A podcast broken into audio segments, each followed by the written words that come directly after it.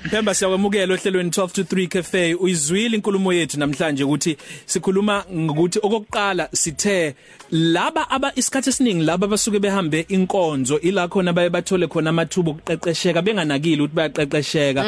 Sure. public speaking okuwukuthi ngisho noma sebesebenza mhlambe laba sebenza khona makwenziwa mhlambe kuthiwa khanjisa umthandazo mhlambe makuvele isifo kuphu- kuphushwe wena phambili kuthiwa kuzokhuluma wena siya.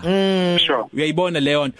Kodwa akusiwona wonke umuntu osuke elitholile lelo thuba. Mhlawumbe omunye walithola waqeqeshwa esikoleni ngeke ngenze isibonelo sama oral noma idrama. Kodwa abanye bagcine benokwesaba. Eziphi izinto esingachushisa ngazo umlaleli? Mhlawumbe sesisonga lesihloko esesisonga lesihloko ekutheni ikhono nje lawa mathuluzi amancane angakulekelela mase kumele ukhulume phambi kwabantu. Ngiyabonga siya kuwe naku Cell Beyonce ngibonga kubo bonke abalali bokhozi FM ngithi happy 60th Yeah. eh into engifuna ukuyiveza siya kubalekile kokuqala ukuthi uyilungiselele uma uzokhuluma ngaphambi kwabantu. Um that is i content yakho ozobuyishare eh wenze research yakho ube ube right. Lokho kwenza ukuthi i confidence yakho ibe phezulu uba nokuyithemba.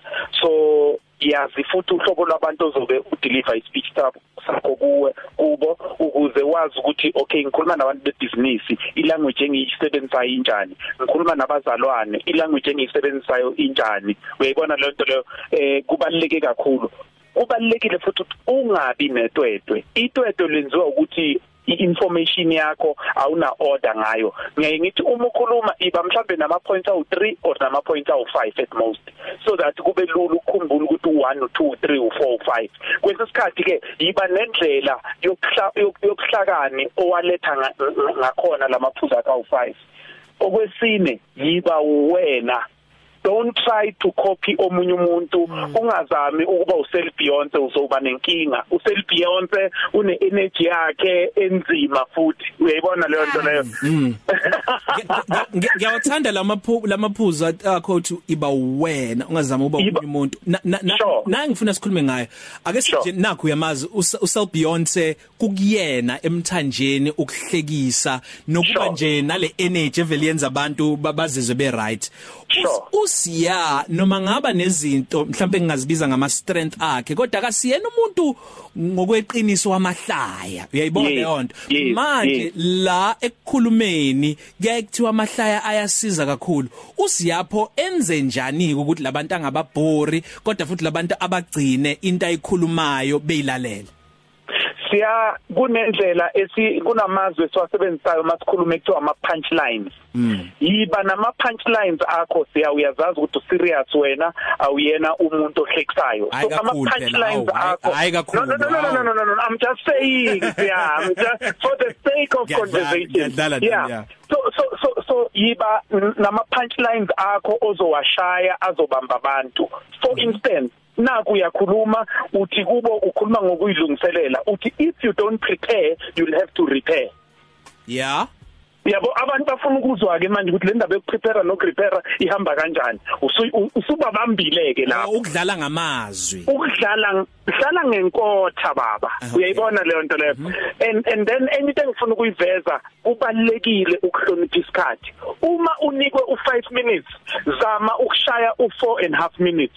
Labo bantu abakinvitile bazokinvite njalo njalo ngoba uhlonipha isikhathi. Umuntu ongahloniphi isikhathi abantu ababe basam invite for the next time. Noma ngabe i speech sakhe noma i talk yakhe ni powerful kangakanani? And then what if mina ngilokhu ngikhathazeka kakhulu ngemibono yabo ukuthi bona bathini? Emthobe makazi bathini ke njengamanje? Ngoba lokho bekugqolozele kakhulu we oh ngi overcome kanjani leyo nto leyo? Because ayaqala amakhopha ayancinza izandla ivesana ijuluke. Now you understand. So ngi overcome kanjani leyo fear? Se- wena wena Sel Beyonce kunabantu abawu eh, 59 million eSouth Africa.